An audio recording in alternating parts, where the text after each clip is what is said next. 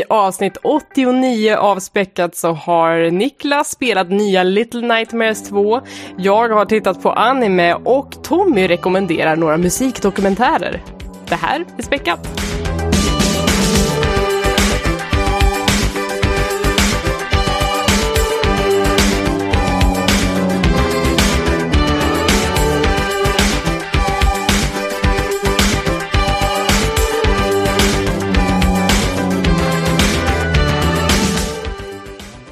Har ni hört det här med Elgiganten, vad de gör nu?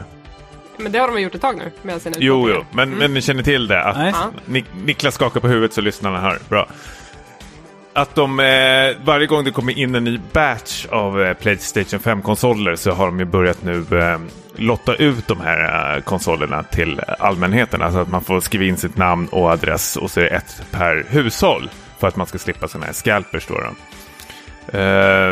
Och med det sagt så har jag eh, lyckats få ihop eh, nu den här senaste som kom igår här för mig. Nu spelar vi in den 10 mars.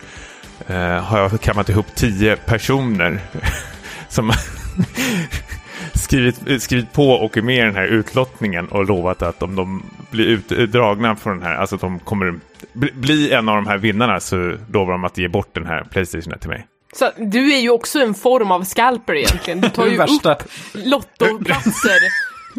Tio lottoplatser. Vadå? Vänta, vänta. Om, om, om jag spelar på Lotto till exempel, alltså vanligt svenskt Lotto, och så väljer jag, istället för att köpa en rad så väljer jag att köpa tio rader. Jag har ju inte fuskat mig till de här raderna då. Nej, men du har ju betalt. Du, det är ju inte en person per hushåll. Alltså, du följer inte den regeln. Inte en lott per hushåll. Tekniskt sett så gör jag det ju. Ja, mm, okej. I alla fall, denna podcast är sponsrad av eh, Sofia Andersson, eh, Charlotte eh, Nordsten, eh, Kristoffer Nilsson, Patrik Hjalmarsson, Fredrik Höstberg och eh, Anna-Lena Jansson. Det är den absolut inte. Kanske Anna-Lena Jansson. Möjligtvis Det Anna-Lena var, Jansson. det, var, det, var, det var de enda de ville ha en shoutout för att eh, det skulle bli. Så nu, nu är det. Ni, ni är inte bättre ni på speljuntan. Nej. Välkommen till avsnitt 89 av eh, Späckat. Ett kaos, vet ni vad? Jag har, eh, jag har kvar min aktie i GameStop och nu är det jävligt jobbigt. Jag såg det precis och när vi precis pratade, eller pre- precis när vi pratade, men idag när vi pratar så är väl den som högst nu. Ja, fast den dippade igen. Det är det. Den, den åker jojo just nu på aktiemarknaden. Och, Precis som i vikt. eh, och nu när det var vid sitt högsta, då, jag har ju liksom en aktie som jag köpt på skämt för typ 2000 spänn. Eh, Va? Ja, just det. Eh, den har gett oss många timmars underhållning, vi har liksom splittat på den här i hemmet. Eh, men idag så hade vi gått liksom 900 spänn med vinst på den. Man bara, shit, nu kanske man ska sälja och plocka ut det så får man en fin middag ihop. Precis när jag la säljorden, då började den dippa. Alltså den störtdök till typ 200. Det var ingen som ville precis, köpa precis mina. innan alltså? Nej, alltså, ja, det var typ i samma sekund egentligen. Ja, Eh, så grattis ingen- eller vad ska man säga? Nej, ingen köpte min aktie. Den, den dippade. Så jag har den Och du kvar. sålde under dippen? Eh, ja, precis. ord. Ja. Ja. Så eh, ja, jag, jag sitter här och håller, mår lite dåligt. Får se om det blir någon fin middag. Jag fattar inte eh, hur folk, vågar köpa eh, sånt där. Alltså, jag, jag sitter ju med sådana här indexfond, så räntefonder som är hur tryggt som helst. Eh, det, det, det är det enda jag vågar gambla. Men man sitter ju alltid, liksom, nu när man har facit i handen, jag tänker det är ju inte bara GameStop, utan vad fan heter de där andra jävla spelbolagen som går så jävla bra för i Sverige som eh, är Malta. Eh, skitsamma. Nej men det är väl Activision som är under dem. Ah, nu, nu menar jag spelbolag som i Jaha, typ spel, så här, spel, ah, okej, mm, Ja, jag förstår. Mm. eh, de, de ska vi absolut inte nämna här kanske. Ehm, nej, men de, de hade man också kanske velat vara med på tåget. Eller hade man det? Då sitter man ju förstås och supportar sådana här spelberoende. Ja, alltså det finns ju några Jag sådana sitter där här, och tänker högt nu. nej, men det finns ju sådana här meme-aktier som, som folk investerar i nu, de här idioterna på internet och så här, några av dem är så här GameStop, det är Nokia, det är AMC, det är Blackberry och det är nu också Palantir och de är typ en övervakningsfirma, den vill inte jag investera i ens på skämt. För det, det känns så himla konstigt. Eh, så, så jag har ändå någon slags heder i behåll när jag handlar i alla fall, men det är ju långt ifrån alla som har. Övervakning, är inte du som har TikTok? Jo, jag älskar TikTok. Det är det bästa. Ja, hur är läget med Niklas då? Jag är helt mållös när det gäller ak aktier så har jag verkligen inget att, att tillägga. Men eh, Elisabeth, höll du på med aktier innan det här med GameStop eller var det bara liksom en till eh, engångsföreteelse nu? Alltså, jag är på samma sida som Tom egentligen. Jag har några fonder där allting ligger tryggt. Men sen så har man ju kanske någon, någon tusenlapp man har lagt undan för att leka med i Avanza-appen, typ. Uh, men det är, ju, det är ju inte seriöst, det är inte så att jag förväntar mig att göra storkovan, utan det är mest något man kan jag menar, hålla på med. Det känns som en riktig så här eh, övre medelklassgrej, man bara, ah, några tusenlappar, jag leker lite med dem, uh, har något att göra med händerna.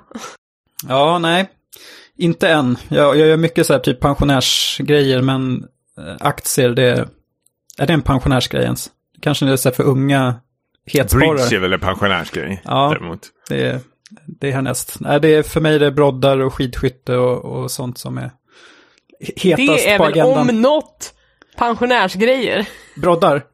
Ja, Ja. och skidskytte. ja, men den pandemin har ju accelererat he hela den processen. Du för har blivit det vi hatar, Niklas. Det jag själv hatade en gång. Det tog bara ett år, sen var jag där. Mm. Ja, Vi har lite i, i våran kappsäck inför det här avsnittet. Vi, har, vi pratar ju lite om spel, vi har lite brädspel, vi har lite film och vi har lite tv-serier. Är det någon som känner att eh, de vill ta rodret här? Ska vi börja i spelträsket med, eh, med Niklas? absolut. Ehm, Little Nightmares 2 har jag spelat. Ehm, kom för några veckor sedan, så det är hyfsat, hyfsat nytt. Eh, utvecklat av Tarsier Studios, Malmö-gänget. Så det är lite svenskt här på agendan. Uh, det är ju då skräck, fast uh, i ett mindre format. Att Du spelar som en, en liten person som i de här skräckinjagande miljöerna ska ta dig fram och göra diverse pussel, plattformslösningar. Ehm, jag eh, spelade det första spelet när det kom för ett par år sedan och eh, gillade det. Men tyckte att det, fann, det fanns förbättringspotential. Framförallt så tyckte jag att det var ganska frustrerande bitvis för att eh, det var mycket så här trial and error. Att det var svårt ibland att tänka sig lite hur utvecklarna hade eh, tänkt, liksom var, vart man skulle springa, vart man skulle hoppas. Det blev ganska mycket repetera mycket moment, vilket tog udden av skräcken lite för min del. Det blev liksom övergick till att vara frustrerande snarare än läskigt. Men eh, jag spelade också det. Eh, min Mm. kollega beskrev det spelet så himla bra, han kallade det för fattigmanslimbo. Att det, det är så uppenbart att Little Nightmares plockar väldigt mycket från Limbo och Inside, alltså Playdeads eh, eh, sidoskrollande plattformsspel. Um, men har satt en mer mysrysig stämpel på det. Um, med mer så här konkreta mardrömsmonster snarare än, än det här mer nästan psykologiskt skräckinjagande som är i Playdead-spelen. Uh, men, men jag tyckte inte att Little Nightmares första satte landningen lite riktigt uh, där, för det kändes som att det inte sa någonting till mig överhuvudtaget. Det kändes hattigt och att man liksom bara gick igenom olika scener som kanske inte hörde ihop på något sätt. Har du spelat det Tommy? Nej, men däremot köpte jag det faktiskt nu i veckan. Alltså första Little Nightmares då för, ute på rea för 70 kronor. Det var en kompis som jag sitter och spelar just nu med som rekommenderar. Han såg jättemycket fram emot tvåan och köpte och eh, halsat i sig det på en kväll. Det ska vara väldigt kort vad jag förstår, som nästan fem timmar eller någonting. Men han gillar det väldigt mycket faktiskt, första spelet. Ja, det, det har ju definitivt sina fans. Ja, men precis. Han kanske var, varit lite mer överraskad över vad det var för någonting. Men däremot lät det, inte besviken på andra spelet, men det var lite mer av, eh, eh, mer av samma tyckte han. Det ju, gjorde väl inte så mycket nytt i det. Men det, eller vad säger du Niklas? Du skulle precis börja nu och kanske prata om andra spel. Ja, nej men jag, jag förstår eh, synpunkten, men jag, jag håller med Elisabeth där lite angående första spelet, att det kändes som att det, det var lite så här lösryckta scener staplade på varandra, men inget liksom ordentligt slut direkt, det bara liksom mynnade ut ingenting. Eh, men här i andra spelet tycker jag faktiskt att den biten är bättre. Att det känns som att det, det är ett längre spel, framför allt. Så de har liksom tid att bygga upp en, eh, en stämning och det känns som att det eh, eskalerar liksom mot slutet och det finns ett riktigt liksom bra slut också i hur de har liksom knutit ihop det med det första spelet.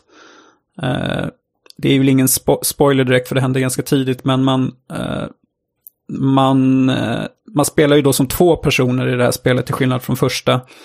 Ehm, och den andra karaktären är då huvudpersonen i det första spelet.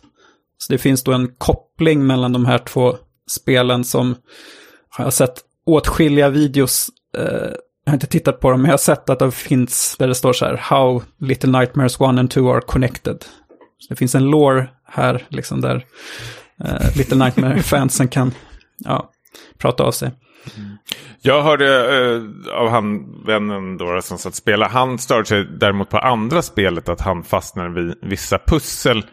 Där man kanske, alltså något plattformspussel där man vi säger att man ska hoppa från en plattform och sen liksom misslyckas man och så tror man att okej okay, det är så här man inte ska göra. Men att det är väl mer att jo det ska du visst göra men du måste vara lite mer precision i det.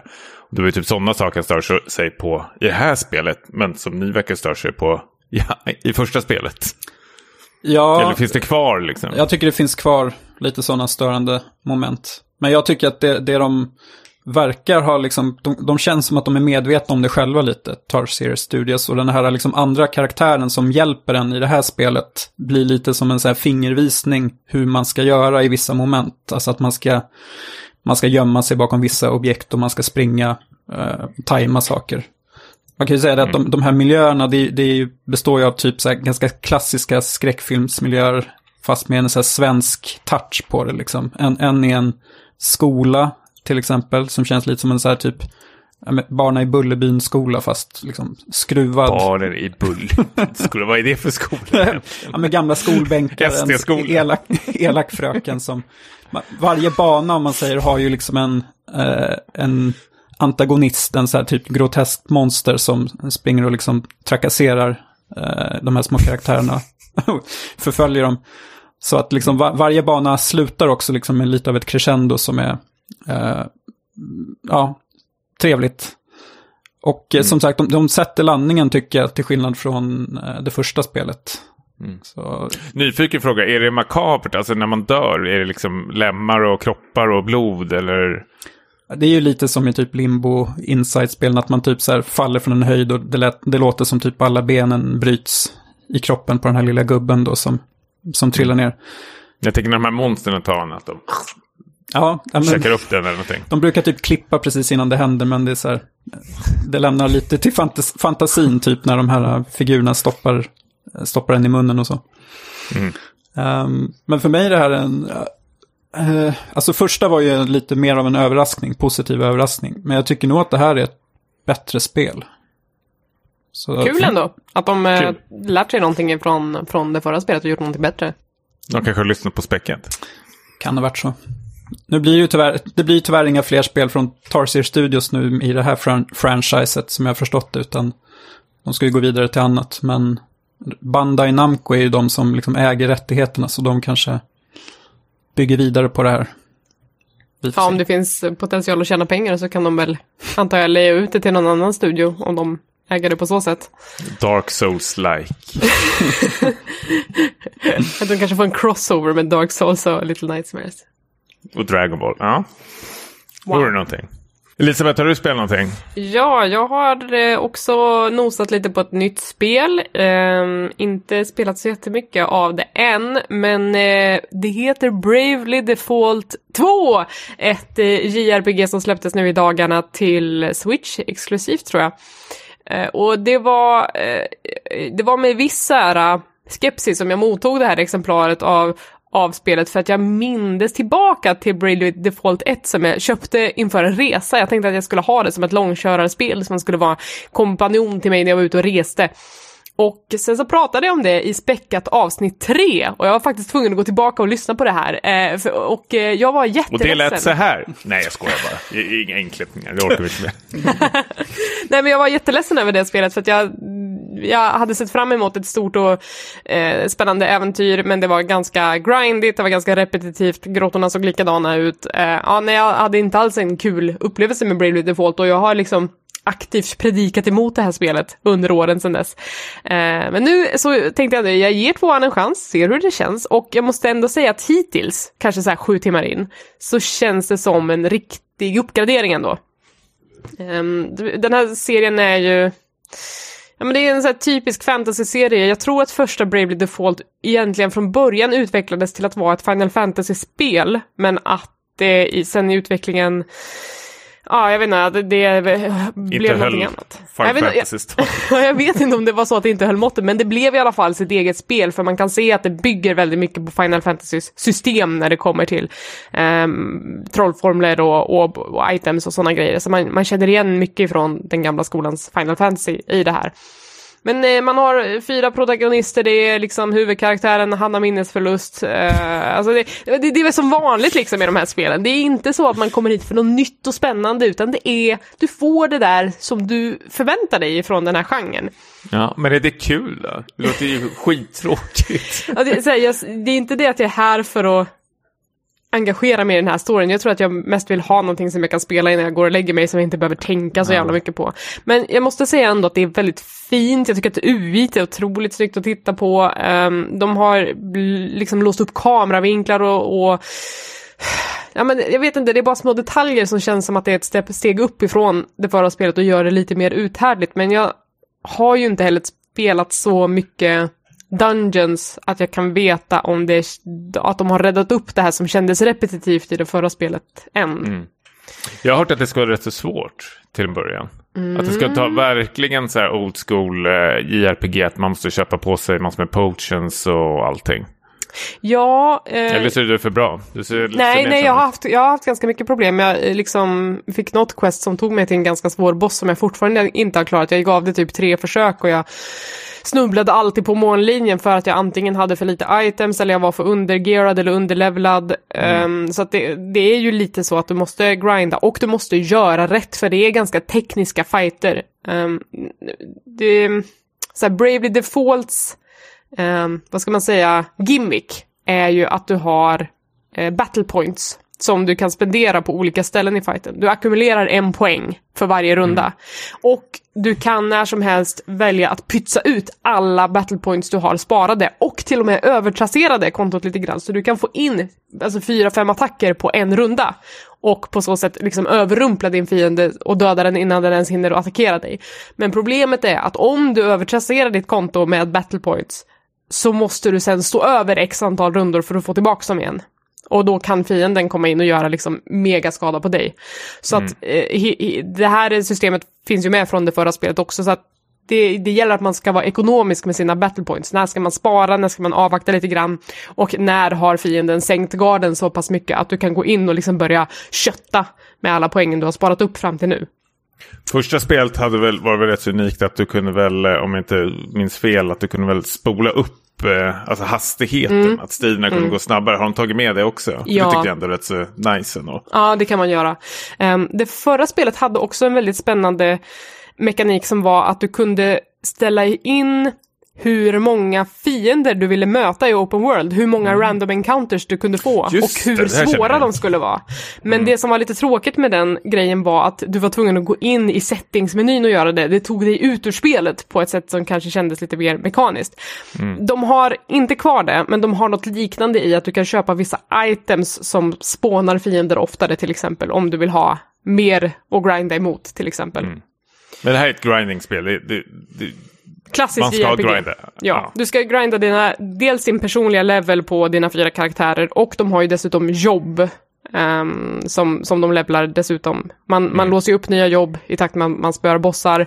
Man kan ha två jobb equippade, du levlar det som är equippat som huvudsakligt jobb. Och då låser du upp fler skills i det jobbet. Så att du kan ha någon som är så White Mage och Vanguard. Eller du kan ha någon som är Munk och Black Mage till exempel. Mm. Ja, så det, där kan man mixtra och matcha och sätta ihop det partyt man vill ha, exempel. Vad tror du då? Kommer du gå i mål med det här? Nej, det tror jag inte. Nej. Eh, jag kommer att, säkert att kötta på det så länge jag orkar, men jag tror att förr eller senare så kommer grinden knäcka mig, tyvärr. Men hur är uh, världskartan?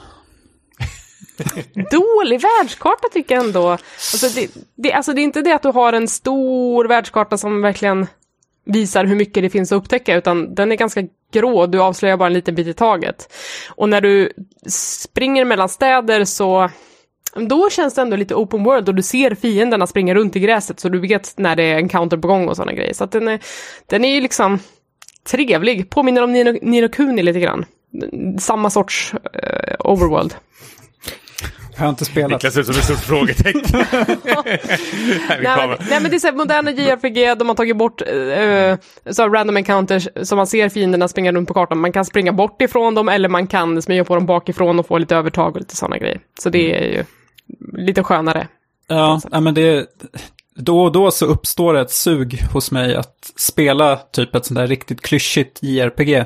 Och mm. som jag har förstått det så liksom det här i ticks all the boxes. Ja, ja, ja. Lätt. Och men är ändå så pass modernt att man inte blir helt förbannad på det, skulle jag säga. Än. Men är det här, är det här som det här eh, Switch-spelet, Octo, Octopath Traveler, att det är så här, du tycker att det verkar kul och sen så visar det sig att det, det var inte så roligt med, med gamla JRPG'n? Oh, Octopath hade ju också ett helt annat problem i att det liksom inte hade en sammanhängande story. Det var ju bara en massa lösa stories som man spelade igenom. Och varje kapitel... Det här kanske är bättre då, det känns ju mer liksom renodlat. Ja, för att varje kapitel i Octopath var strukturerat på exakt samma sätt. Du spelade samma grej om och om igen. Åtta gånger, tre gånger liksom. Så, så där hade de en formel och den, de avvek aldrig från den formeln. Det här är ju mer linjärt på det sättet. För att bara göra klarhet till våra lyssnare, Niklas är väl, du har ju varit det största JRPG-fanet, alltså du har ju växt upp med den här genren. Du var ju den största tönten på skolgården, eh, vet jag väl. Jag importerade så här Super NES-spel liksom som inte var släppta ja. i Sverige och soundtracks och allting, så jag var visst, det, det var jag. Ja, och sen finns det ett klassiskt citat från dig att du tröttnade på det här när de började prata karaktärerna. Eh, det var då du liksom bara släppte. När de fick röster så insåg jag hur töntigt allt var. Hur, hur platt det är. Eh, och, och, jag skriver under, jag vill bara fan eh, skoskava in en grej här. För du, du sa Niklas att du letade efter någon slags JRPG, att man ska komma tillbaks hitta tillbaka till det. Och jag har känt exakt samma sak. Jag för några månader sedan som jag har nu eh, spelat eh, igenom som jag kan rekommendera verkligen till alla som jag tyckte, som jag tyckte var skitkul när jag var liten. Så var bara tvungen att kolla om det höll. Och det är de här Quintit-trilogin-spelen. Känner ni till dem? Aldrig hört talas om.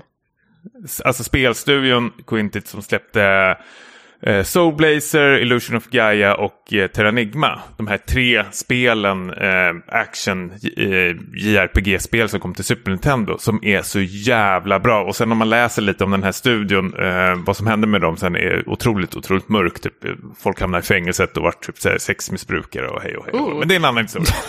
Låter som en episod av Real Love. Men fan, alltså, till er båda och lyssnare, alltså, om ni spelar de här spelen när ni är liten eller om ni inte har rört dem, verkligen Soulblazer, Illusion of Gaia och Terranigma är så jävla bra spel och det är riktigt bra story i det och den, det är så sjukt mörkt och vemodigt och svinbra musik i dem också. Jag tycker absolut man ska eh, kolla in de här tre spelen. Mm. Blicka ja. bakåt istället för framåt alltså. Ja, men jag tror de här har i väst, väst men i Europa tror jag de mest har liksom ja, kommit under radarn lite grann. Mm, Absolut. Ja, Terranigma har jag till Super Nintendo. Jag tror det är värt sig flera tusen spänn. Wow. Skryt. Ja, lite grann kanske. Mm. Ja, nej, men det, det, är väl det jag har att säga hittills om Bravely Default. Vi får väl se om jag eh, sjunger i några fler timmar och kanske tvärvänder och tycker att det är kanon. Eller om jag, som sagt, om grinden tar knäcken på mig. har vi något mer på spelfronten? Ska jag bara dra, jag tänkte jag skulle gräva fram en nyhet här. Ehm, det var förra veckan som jag blev otroligt glad när det utannonserades att det skulle komma ett nytt Aliens-spel. För det, Tom gör segergest för lyssnaren. Ja, ja men det är, det är mitt absoluta favoritfranchise eh, genom tiderna. Alltså om vi snackar filmerna då framförallt. Spelen, eh, spelen har jag ju liksom älskat för att det är del av Aliens eh, univers universumet, även fast de kanske inte har varit superbra allihopa. Alien Trilogy tror jag är mitt eh, favoritspel till Playstation. Ja. Men i alla fall, nu kommer ett nytt då som heter Aliens Fire Team, som inte verkar vara den uppföljaren eller det Alien-spelet som många vill ha. De flesta vill ha en uppföljare till Alien Isolation som liksom byggde mer på liksom första filmen. eh, med en ensam alien och att det var mer skräck snarare än action. Men det här verkar ju då vara mer i linje med Aliens Colonial Marines som blev totalsågat, ansåg var en superflopp när det kom. Var det det som släpptes, det var väl bara något år sedan det kom, eller hur? Eh, Colonial Marines kom, nej det var några år sedan. Um, jag köpte... Ja, rätt så gammalt. Ja, jag köpte det på så här rea, typ man fick all, all, all DLC och allting, typ så här 50 spänn eller någonting. Så spelade jag igenom det över jullovet eh, med, med en kompis och det var ganska kul för, för liksom, spelet är inte så dåligt som alla säger. Sen är jag liksom ganska färgad av att jag älskar aliens och liksom gillar allt som släpps därifrån. Men de hade liksom satt känslan från filmerna, filmerna väldigt, väldigt bra tycker jag. Dock tog de sig väldigt så här, hårresande friheten när det gäller att liksom så här, ändra i liksom filmernas handling. Och så här, liksom, karaktärer som man trodde var döda är inte döda egentligen och så här. Eh, så det här har ju liksom, det skulle... Bishop lever eller vadå? Vad sa du? Bishop lever eller, Ja. eller Hudson? Jag vill inte spoila för mycket om man inte har sett dem, men det, det är på den nivån kanske. Ja. Eh, Så det var inte så bra kanske. Men, men det här Aliens Fireteam, det är ju liksom eh, multiplayer för tre spelare som ska spela igenom olika kampanjer och det är tredje persons action. Ehm, och jag har tittat på lite så här videos på liksom, eh, gameplay och jag tycker det ser, jag tycker det ser riktigt kul ut. Um, å andra sidan så eh, gillade jag Aliens Colonial Marines som alla hatar. så, så jag vet inte om man Tycker, kan ta tycker kul-tröskeln är inte superhög här. Nej. Nej, men eh, eh, när jag fick upp den här nyheten så, jag vet att jag, jag fick ett otroligt här, rus i, i kroppen. För jag är exakt som eh, dig Niklas, jag är ju uppvuxen med den här serien och man sväljer ju nästan allting som har med ehm, Alien-universumet att göra. Men det är ju någonting med just den här genren. Alltså jag tycker ju inte om Left 4 Dead eller det här World War C. Alltså det här hård like spelen när det bara väller in zombies och man bara ska hålla på och skjuta runt sig hela tiden. Men det är ju någonting när det är Aliens-universumet som jag verkligen bara köper på direkt. När de bara fuck yeah vad jag vill göra det här. Och jag bara kan se mig själv, liksom, så här, om de börjar med så här, season pass eller det börjar så här, kosta saker för kosmetika. Jag kommer bara skita ur pengar bara för att vara så här Vascus och säga Let's rock! Och bara, eh, alltså, det, det finns så sjukt mycket potential här om de verkligen gör så här, snygga eh, blinkningar och sånt till eh, filmerna. Att man tar med lite one-liners och lite roliga costumes och sånt där. Tänk bara att få spela typ så här, Ripley eller Hudson eller Bishop. Alltså, det, det, det finns så sjukt mycket potential här. Jag säger att bara för avslutningsvis, bara för att hylla Colonial Marines lite mer, så man kan spela de här gubbarna som du nämnde i, i det spelet, i multiplayer-delen. Så jag Nu hop- minns jag, nu minns jag vad jag kommer ihåg Colonial Marines ifrån. Det var ju de som, såhär, det var ett typo i koden som fuckade det spelet. Så, och så var det liksom någon spelare som till slut hittade den där typon och bara vänta, nu är spelet helt okej när jag bytte den här typon. Då var det ju alldeles för sent såklart för att det liksom var dött och begravet, men det är så jävla tråkig osis. Man har ju fått moddat upp det här spelet. Så jag tittar själv på, jag har inte köpt Colonial, War, Col- Colonial Wars, but, but fan vad jag snackar engelska nu. Eh, men eh, man får ju ladda ner massor med moddar och sånt där till det för att det ska funka det här spelet, har jag läst. Jaha, jag har inte laddat ner någonting. du har bara kört det Nej, vanilla för och bara, det här är men riktigt bra. Men, men det ska bli ännu bättre till och med, har folk sagt. Nu har du en anledning att spela om det då. Jag får göra det. Men Niklas, du gillar inte multiplayer. Ja, men det är inte aliens, då, Då, då, Då- gillar då- du multiplayer. då jag Fast du, du det. gillar väl multiplayer när det kommer till samarbete? Det är väl multiplayer när du ska köra mot folk och... Ja, lite så när jag kanske måste interagera för mycket med, med personer. Men om det är en så här tight grupp, då, då absolut. Alltså Player Unknowns Battlegrounds var ju det bästa spelet det året det kom. När det nu var. Eh, Så bara det är rätt Känns för spel. sjukt länge sedan. ja, men då har vi, vi har en grupp på tre här. Ja. Jag, kom in, jag har inte den här nostalgiska grej, liksom vinkeln på aliens överhuvudtaget. Jag vill... Jag skriver inte Du under på detta. den? Nej, jag Va? tycker filmen är... Jag har sett ettan och tvåan, de är helt okej. Det är Cool. Jag är ledsen. Ja. Besvikna miner all around. Ja, det är ja, vårt jobb som vita sci-fi män. Ja. Man, måste tänka, man måste tycka om det här. Ni har ert jobb, ni gör det perfekt.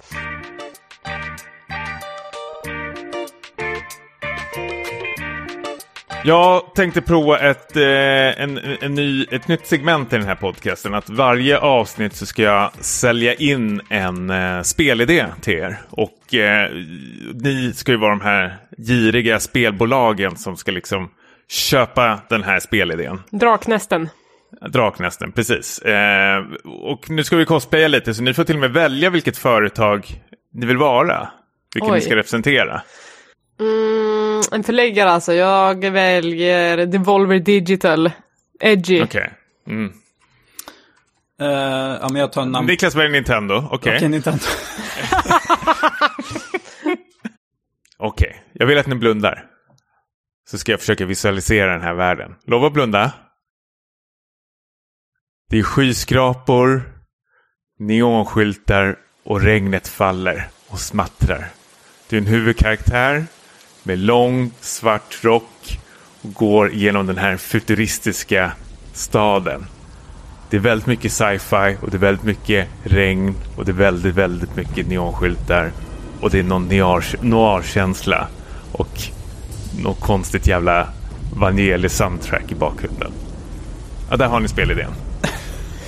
Det låter Finns- som finns ungefär inte det här? 40 spel som släpptes förra året.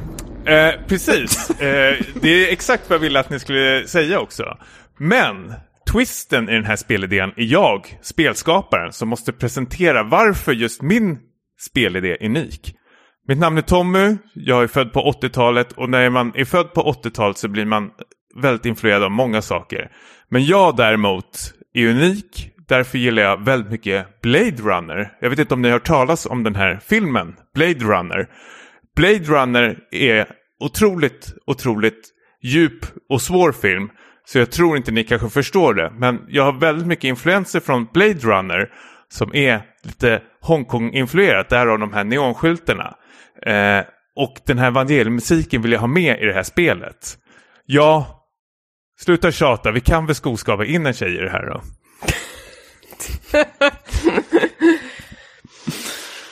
Nintendo, vad säger du? Ja. Familjevänligt? Det låter lite mörkt och dystert för vår plattform. Eh, Har ni sett Blade Runner någon gång? Min favoritversion är Directors Cut. För den har ett, man, får liksom, man blir inte skriven på näsan i slutet då. det är bra. Hur mycket blod och splatter är det i det här spelet? Eh, det är ju noir, eh, precis som Blade Runner-filmen som det är väldigt mycket influenser från. Eh, så det är mer regn än blod skulle jag säga faktiskt. Okej. Så i, i, i egenskap av Devolver Digital så vill jag ha mer splatter, blod och motorsågar. Mm. Kan du sätta in det? Ja, det kan jag väl. Kan du tumma på din vision? Ja, lite grann i alla fall. Det kan väl regna blod från himlen då. Ah, nice. Got me there. Det kan väl heta Bloods of Reflection eller någonting. Oops. Ja, Ja. Det, det, men eh, kändes det unik den här idén eller känns det igen någonstans? Eller? känns som jag har sett det en hel del. Tusentals gånger. Nej, jag fick den, jag fick den, här, eh, fick den här idén. Eh, Det, det känns nästan, jag, jag tror jag lyssnar på så här 40 podcast eller någonting nu när folk försöker sälja in sina spel eller idéer eller någonting. Och det, det är ju någonting när folk försöker liksom pratar om den här jävla pissiga Blade Runner-filmen och hur mycket den har betytt för en och allting. Jag, jag har aldrig avskytt en film så mycket som Blade Runner tror jag i hela mitt liv. Det måste man väl få säga. Ja, absolut. Jag sa ju just att jag avskydde aliens. Nej, det sa jag inte. Jag sa att de var okej. Eh, nej, men, eh, Men ha, har inte Blade Runner förstört spelvärlden?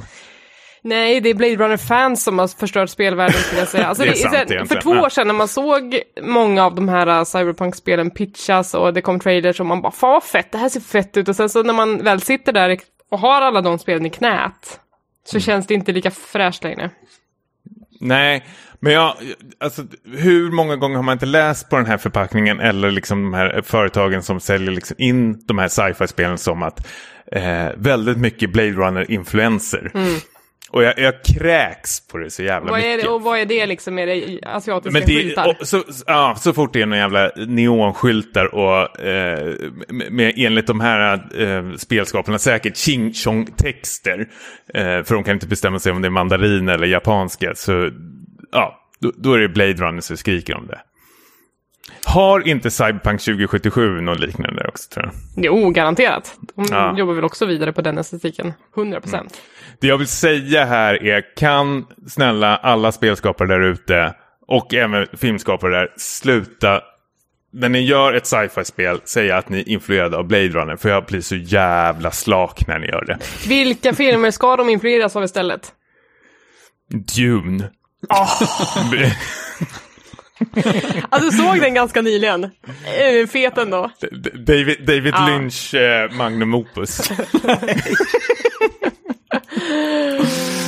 Nej. Men eh, om- man ändå ska prata lite film och, och sci-fi-filmer så tycker jag väl ändå film som många har missat som är, är sci-fi är väl ändå nu får du hjälpa mig här Niklas och Elisabeth. Eh, Scarlett Johansson, någonting med Ice. Ice?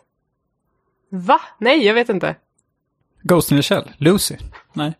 Nej, det- hon är en, eh, det är en film där hon är en runvarelse på jorden och Under the Skin. Under the skin. Aldrig sett. Den är bra. Den är ruggigt Den, bra. fy fan vilket, där har vi riktigt bra sci-fi. Den fem ska vi plus. Göra ett spel av. Mm. Ja. Är det, är, Okej, kan spelvärlden röra sig mot den filmen? ja, absolut. Där har du soundtrack, du har coola kameravinklar, du har gripande, spännande thriller-story och allting. Blade Runner har inte en suck mot den här filmen. Den är så bra att till och med jag glömde bort vad den hette. Ja, men eh, apropå film. Jag ser vi har lite film planerat här, Tommy. Ja. Jag ska babbla mer tycker ni? Absolut. Ja. Absolut. Ja. Eh, jag ska bara ta fram eh, programmet här. Jag har faktiskt senaste veckorna fått en sån här grej att jag vill dra igenom massor med så här musikdokumentärer.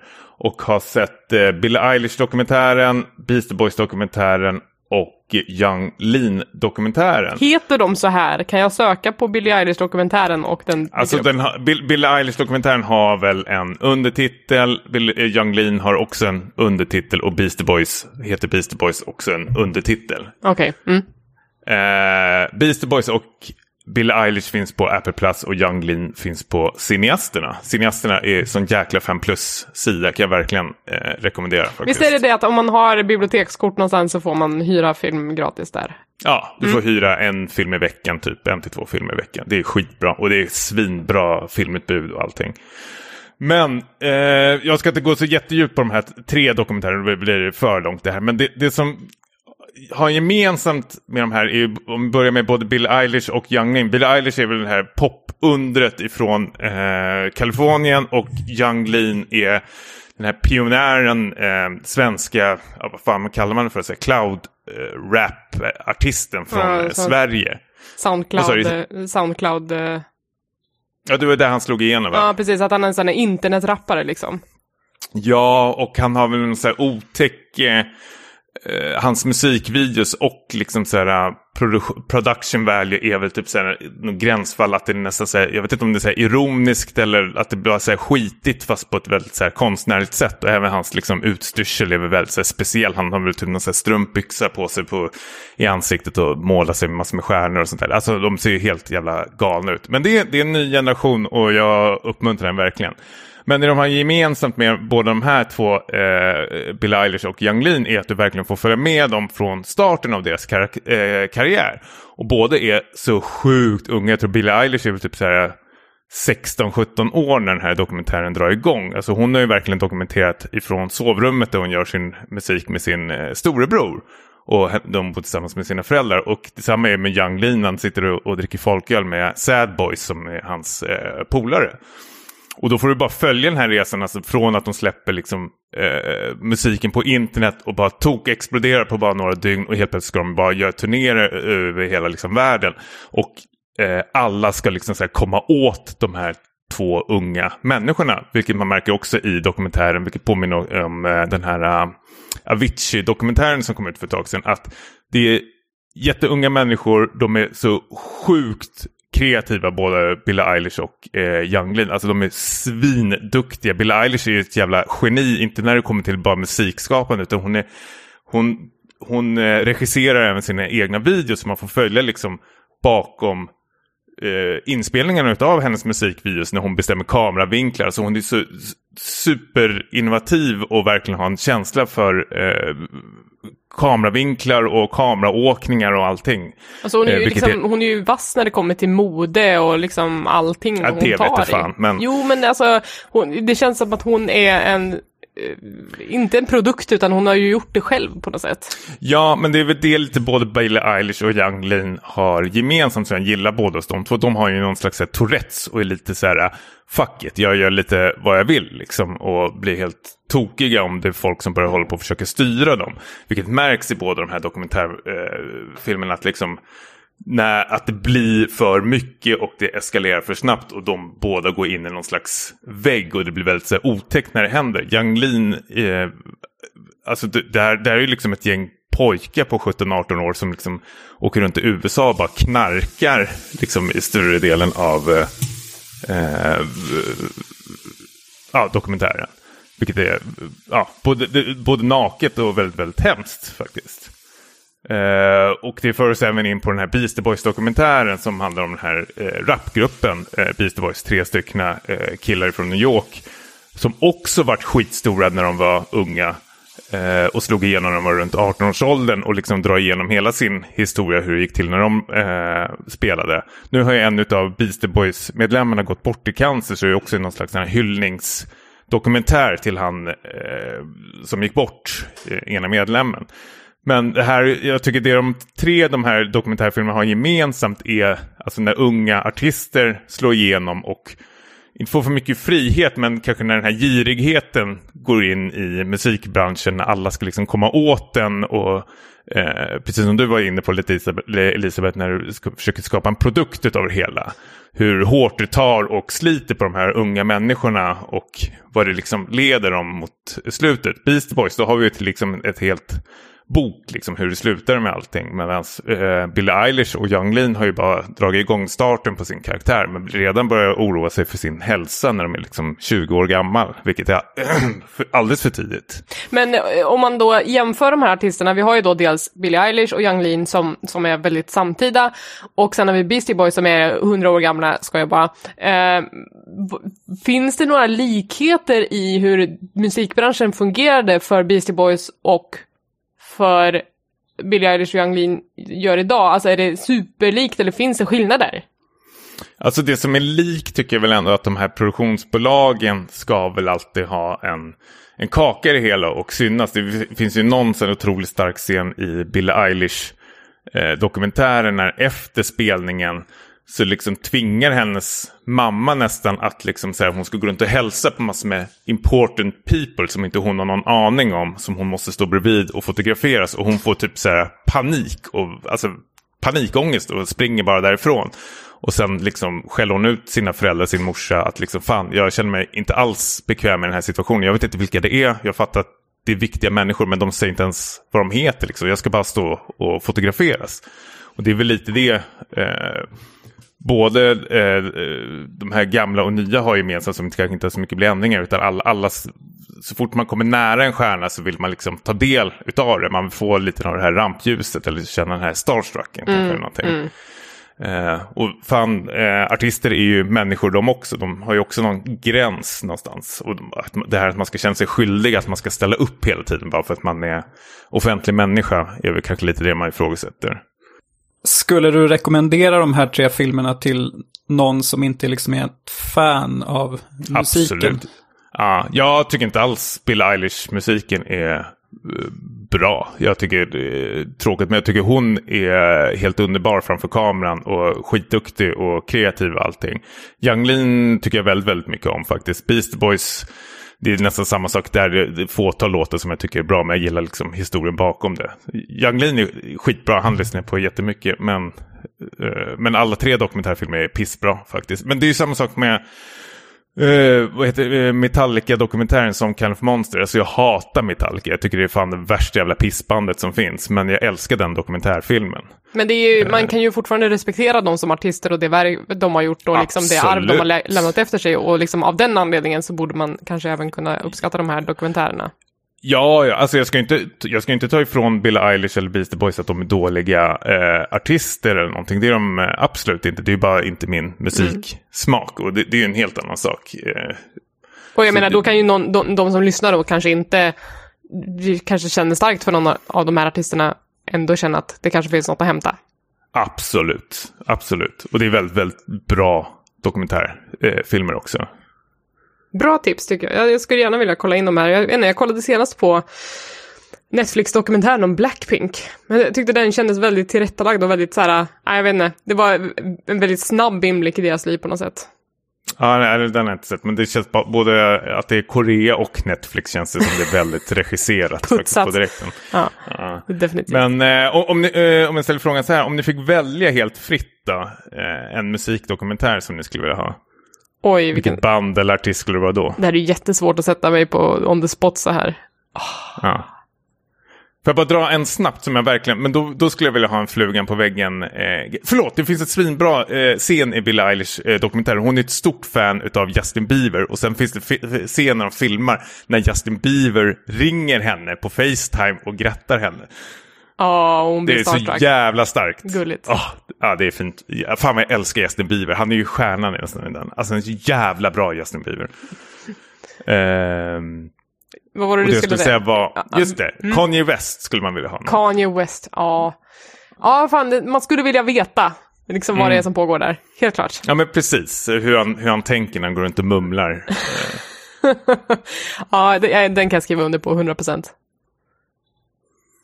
Niklas, vad skulle du säga? Ja. Lost Domain? Lo- Mitt eget band. Re- Regisserad av mig själv. Ehm, nej, men då blir det något så här förutsägbart. Det blir väl Depeche Mode eller, eller någonting. Mm. Har de en bra story? Ja, jag, jag har ju läst deras biografi två gånger, så det... Men där tror jag att det är för att det är jag som är så intresserad. Det, kanske snarare än att liksom... Eh, Har, har de några skandaler? ja, alltså knark, knarkare och typ eh, medlemsavhopp. Knarkare, du, du, du, du, du, du säger som det vore någon sån här... Värsta typen av människor. Knarkare. Du knarkare. Man bara, du vet att det är musikbranschen du pratar om. Ja, ja, naivt. Ja, en liten gubbe har ju inte någon... Men fan, Hallå? oj.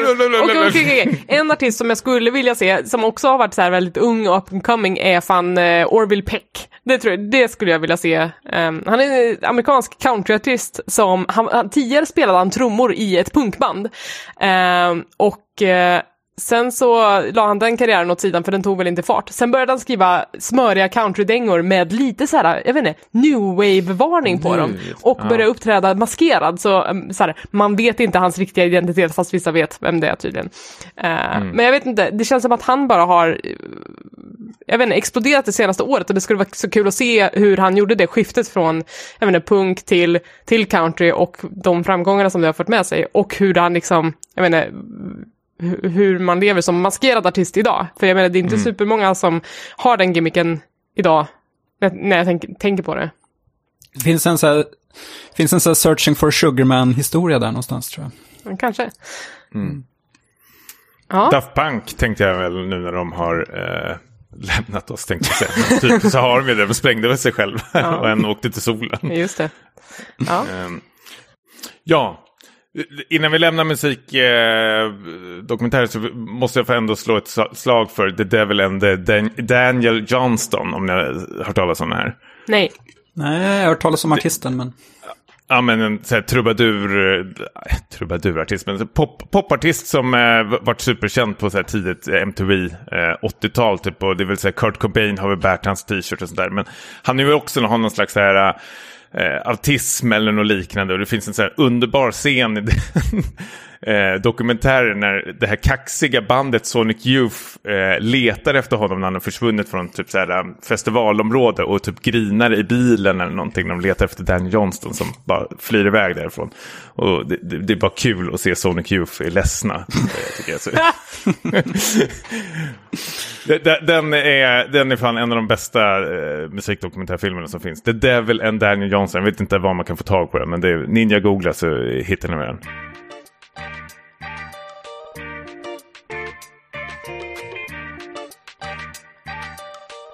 Niklas, du har spelat brädspel har jag sett på Instagram. Ett av de snyggaste jag kanske har sett. Mm. Eh, det heter ju Parks. Eh, och det är, som du säger, jag tror att vi köpte det nog framför allt för att det var så snyggt. Utan att vi liksom hade egentligen kollat vad, vad det gick ut på, hela den biten. Eh, glädjande nog så var det väldigt eh, roligt också. Det går ut på att man ska besöka så många amerikanska nationalparker som möjligt. Och de här liksom spelkorten då som, som eh, visar hur de här parkerna ser ut är helt otroligt snyggt eh, målade. Och även själva spelet är väldigt smart förpackat. Det är liksom det som är det bästa med, med det nästan, att det liksom allt är liksom förpackat, liksom färdiggjort när man liksom öppnar kartongen och det är bara att börja spela i princip. Um, och det tar inte upp så mycket plats heller. Men... Jag älskar att man ändå kan så här, bli positivt överraskad av så här, bra låda! ja, nej men vi har ju vårt hatspel hemma som heter typ Copenhagen, som är typ så här dubbelt så stor förpackning och som vi har bara spelat kanske två gånger. eh, för att det var inte så kul. Det, det var också så här, det såg fint ut eh, och hade en fin förpackning, men det, det liksom motsvarade inte storleken och, och eh, hela, ja, motsvarade inte förväntningarna helt, helt enkelt. Precis som Köpenhamn också. så, så, dyrt och jävligt var det. Mm. Rassigt. ja, nej men eh, Parks som sagt, nej men det var, jag ska inte berätta jättemycket om det, men det, liksom, det, det, handlar om att man ska besöka de här parkerna som sagt, och man tävlar ju mot andra spelare. Man kan vara fyra stycken totalt, eh, man kan också spela det själv. Eh, det har vi inte testat ännu, men Um, det är ju roligt för att man, uh, man har ju också små objectives som är hemliga för de andra spelarna. Uh, och det är liksom... Det, det går ut på helt, helt, enkelt att man ska köpa de här finaste korten och det, de kan man inte köpa i början utan du samlar på dig lite bonusar och sånt där längs de här fyra årstidernas gång som spelet utspelar sig på. Uh, och till slut så kan du då köpa den här bästa parken eh, framför dina liksom, konkurrenters ögon. Så vi, vi tänkte så här, vi ska spela en omgång, men det blev, vi spelade tre omgångar istället. Mm. Och, hur, lång, hur lång tid tar en omgång? Typ 45 minuter, kanske. Ja, skönt. Ja, det så här lagom långt så att man känner att man kan spela eh, en gång till fast med typ en annan taktik. Det finns lite olika strategier som man kan använda, så det... Uh, ja, väldigt kul. Alltså jag vill så här drämma till mig och säga att det är typ det roligaste jag spelat på flera, flera år. Oj, vi, vi har, fint. Vi har mest så här, under pandemin har vi spelat ganska mycket, men det har varit så här, typ säkra kort. Typ så här, Trivial Pursuit. Och så typ... Yatzy. Yatzy. Kasta gris. ja, ja, men precis. Så det är så här, när vi väl liksom köper någonting nytt, då, då ska det vara något riktigt bra. Och det här motsvarade förväntningarna. Det, det kan vara en framtida klassiker. Ett pangköp alltså. Men jag funderar på en grej när jag ser Parks och det är ju att det handlar om nationalparker och det har den här väldigt distinkta illustrationsstilen där det är lite vintage men det är samtidigt väldigt grälla färger och väldigt stilistiskt. Och jag tänker på spelet, alltså det digitala spelet Firewatch. Eh, ja, som också handlar om att någon är brandvakt i en nationalpark och eh, det är art directed av Olly Moss som gör verkligen den sortens illustrationer. Uh, att det är det han är liksom känd för på internet. Ser nästan exakt ut som Park-spelet. Så jag kan ju inte låta bli att undra om konstruktörerna bakom Parks såg Firewatch och bara yes, nu gör vi ett brädspel som ser exakt likadant ut. Du tänker att det är ett, plagi ett plagiat här? Ja, alltså Firewatch kom ju typ 2016. Parks ser jag här nu på, på Board Game Geek kom 2019. Så någon är ju uppenbarligen först. Någon är först. Ja, men det var, det var huvudet på spiken där. Det var faktiskt det första jag tänkte på. Om jag ska jämföra med något spel, eh, liksom, digitalt spel så är det ju Firewatch. Men det spelet har ju en så helt annan ångest och liksom mm. djup än vad Parks har. Kanske. Mm. Går inte ut Inga Blade Runner-referenser? Nej, inget sånt. Det är upp, uppfriskande. Ja, skönt. Blade Runner i en nationalpark. Mm, mm, kul. Uh, ja, nej, men jag har sneglat lite på det, men kul att höra att du tycker att det är så, så bra.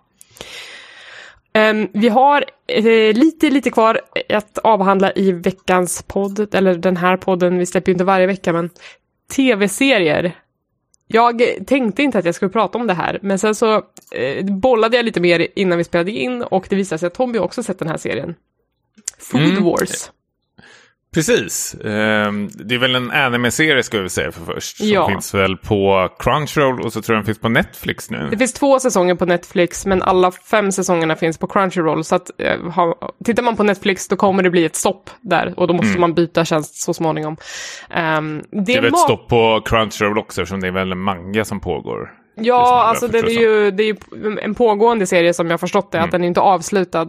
Eh, men jag vet inte, jag och uh, Micke, vi har ju ändå intresserat oss en del för matlagning under pandemin. Det här är en matlagningsserie och vi tänkte fan vad gött, då kan vi liksom fortsätta eh, få en massa inspiration till mat, tänkte vi.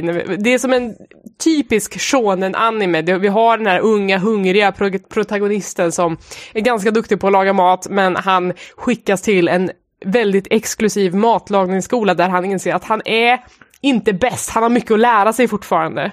Kockskola.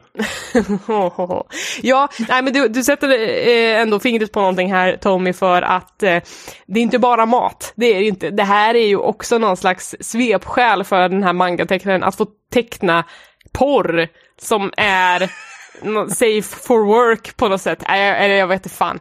Matporr. Matporr, det är verkligen den bokstavliga definitionen av matporr. För att alla de här huvudkaraktärerna i den här serien, de lagar så god mat. Den är så god. Så att när en, någon äter deras mat, då åker kläderna av i någon slags surrealistisk fantasiscen när de försöker Ja, de försöker verkligen avbilda i visuell konst hur gott det är och det gör man bäst med, om man äter liksom bläckfisk, då är det tentakler som kommer och slingrar sig runt den här nakna kvinnans kropp liksom och man bara, vad i helvete är det jag tittar på? Och det här kommer It's första avsnittet. again! Det är första avsnittet, de bara sätter tonen direkt för det här och mm, alltså så här, vi bara, vad i helvete är det som pågår? Jag tycker ändå ljudbilden är ju 5 plus i den här serien. För att liksom de lyckas, om, vi- om vi tar bort de här nakna kropparna och sånt och när folk kommer när de käkar. Men det är ju någonting när de provar den här maten och de börjar prata om textilen och hur det känns. Och man känner, ser liksom hur den här maten liksom går sönder mer och mer i deras mun och liksom exploderar och allting. Alltså den biten tycker jag är helt jävla otrolig. Jag har varit med flera gånger att fan det här vill jag äta nu. Ja, ja, ja, alltså man är ju sugen på allting de äter. För jag menar, syftet med de här scenerna är ju att visualisera på något sätt att det är så jävla gott. Och man fattar ju det, man fattar ju att det är pissgott. Och jag ska säga också att även om det här är en extremt så här porrig anime, så det är ju så här, grabbarna åker ju dit också. Det är inte bara tjejerna som klär av sig här, utan det är alla, alla. Ja. Ja men det, det är mycket härliga sådana här uh, hentai-stön också. Det är... Ja men verkligen, det är verkligen förklädd hentai som är liksom familjevänlig på något sätt, för att det handlar om mat. Då är det okej. Nik Niklas är ju supergenerad ut när vi tittar här på på- webbkameran. Du bara stirrar rakt ner. Jag håller på att anteckna på mobilen vad det hette. Så. Men eh, ja, så, så här, storyn, jag vet inte fan om jag har så mycket för den för att han, huvudkaraktären, han är ju någon slags Gary Stu som han, han, han vinner ju hela tiden, han har fan inga svagheter. Han bara kommer till den här skolan och kör över folk och, och, och bara vinner. Och liksom så fort han är med i någon himla tävling, för de utmanar varandra på äh, matdueller, eh, så fort han är med i någon tävling så ser det ut som att den andra har en mycket bättre rätt. Sen kommer han fram till domarna och bara, men först vill ni ha lite sås till? Och det är då rätten bara exploderar. Alltså det, det är alltid så att han häller på någon jävla soppa eller någon sås i slutet och så bara Och det ser så jävla gott ut också.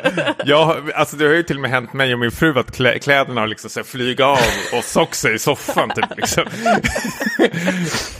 Ja, nej, det finns då några Sen, rätter går som man vi, bara, sen går vi och steker korv med bröd. Efteråt. jag inte, jag tror det värsta jag såg var den där cu- currykalsonen ändå. Ja, det, det är mycket, ja, jag tycker att det, det är så intressant för att Dels har varje karaktär har liksom sin specialitet i den här serien. Att så här, han är kvarterskrogskillen, han kan göra någon slags eh, liksom helt okej husmanskost. Sen har vi så här kötttjejen, hon har en så här amerikansk flagga på bhn och är halvt avklädd och solbränd och hon, hon är bäst på kött. Sen är det någon som kan fermentering väldigt bra, någon kan fisk väldigt bra, någon är duktig på kryddor och har det som hela sin grej. Ehm, och jag, det jag också tycker är intressant med den här animen är att den har ju eh, strukturen av en shonen-serie, det vill säga någon som eh, blir starkare och starkare och med the power of friendship så ska man övervinna det sista målet. Och i de här serierna och sådana här japanska epos så slutar det ju alltid med att man måste döda Gud för att det kommer alltid någon som är starkare och till slut så är det ju Gud. Du, du, du kan ju inte komma högre i, i motståndet. Men i den här serien så är det ändå fortfarande bara mat. De håller mm. sig ju alltid till någon, någon slags realistisk eller fysikens lagar på något sätt. Att det som de gör i de här utmaningarna, det måste man kunna göra om man lagade maten själv. Liksom. Det tycker mm. jag är superspännande med den. Precis, men vi får se. Jag såg väl fram till säsong två och sen vart det ju en paus där för att säsong tre inte hade kommit. Sen återupptog vi aldrig den, men vi, vi har pratat om det länge att vi vill kasta oss över den här serien igen. Men då var de ju fortfarande kvar i skolan man kan bara ana vad som händer eh, sen. Liksom. Det blir väl någon jävla Gordon Ramsay-grej av det hela. Alltså den, det finns alla typer av möjligheter. Jag, jag, ja, nu, fan vad peppad jag varit eh, när, när, du pratade om den här Elisabeth. Jag har inte sett den på två, tre år eller någonting. Eh, nu, nu, måste jag ta upp den här. Kan vi inte ha som läxa för Niklas att se första två avsnitten? Ja, snälla. Se bara ett avsnitt och bara... ja, det, det räcker med det. Sen får du ja. säga Niklas. Ja, alltså... Du hatar ju anime. Du hatar ju allt från Japan. Förutom JRPG. Vi, vi får väl se vad vi kan ordna till nästa avsnitt. Man måste bara säga att jag sitter fortfarande och roas över att Elisabeth beskrev protagonisten som ung och hungrig. Som att det var så här. är det att han vill prestera eller är han bara utsvulten? Nej, han, är, han vill prestera. Han är, är det. Han är det är inte så att han är där för att äta all mat, utan han är där för att laga mat och bli bäst. okay. Du tänker att det är en liten fattig pojke som... ja.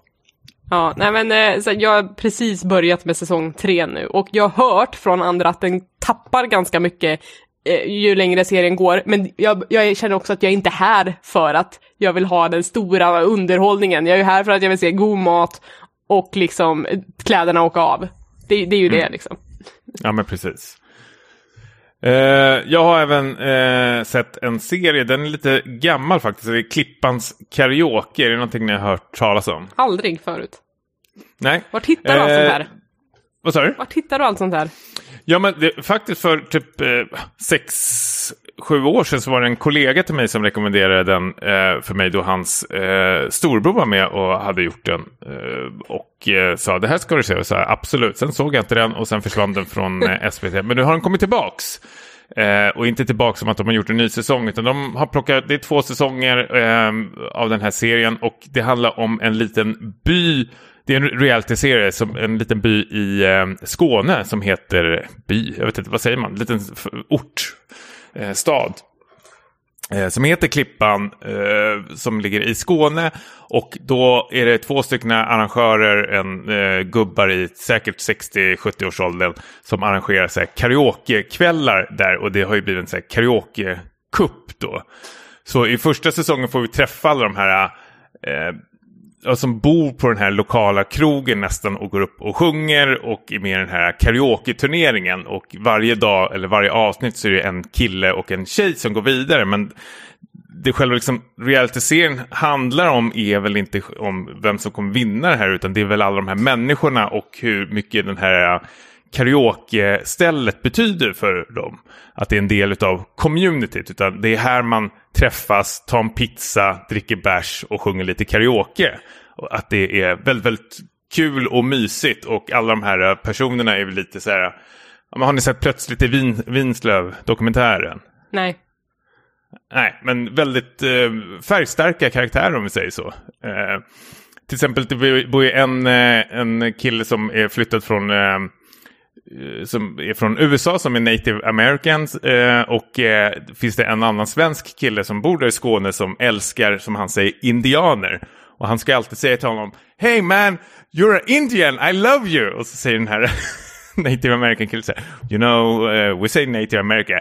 Fuck yeah Indian! Oh my god. ja, det är väldigt mycket sånt. Det, uh, och det är charmigt faktiskt för de förstår väl kanske inte så mycket det. Men det som är så mysigt, eller kul med den här serien är ju att efter säsong ett så vart ju den här serien otroligt hyllad. Så säsong två börjar ju med att det här programmet eh, blir nominerat som bästa realityserie och det, man får se massor med klippbilder från eh, Kristallgalan och allting sånt där. Vilket då har lett till att hela Skåne och Blekinge har ju fått nys om det här stället och så har det börjat dra in sig massor med folk från grannbyarna dit som också vill vara en del av det här. Vilket har hänt att det blir typ så här, ja, bråk eller liknande. Att folk inte vill ha de här invandrarna från andra byarna in i det här stället liksom. För det är så många som, det finns folk som är sångare som kommer dit och vill tävla från kanske Blekinge eller någonting. Vilket betyder att det här liksom eskaleras upp och det blir liksom någon slags så här, eh, kommunråd hur, i pizzerian hur de ska hantera det här. Och någon är arg för att liksom, ölen har eh, gått upp eh, fem kronor extra och då får de här pizzaägarna liksom komma och försvara sig och allting sånt. Ehm, eh, jag, jag, älskar den här serien, den är helt jävla otroligt rolig och härlig faktiskt. Hur många avsnitt är det? Uh, vet du det? Det är väl typ så sex avsnitt per säsong eller någonting. Det är väl så 20 minuter, finns på SVT Play som sagt. Jag tycker absolut, om man vill ha liksom så feel good och lite sån här diskbänksrealism i svensk småbyar så ska man absolut titta på den här. Man blir skitglad när man ser den. Mm. Det är jättefina människor här i som uh, man njuter utav. Det låter supermysigt. Ja, men jag, jag tror ni skulle gilla den faktiskt. Jag gillar är... också att det är korta avsnitt ändå. Det är ja, det man absolut. lever för.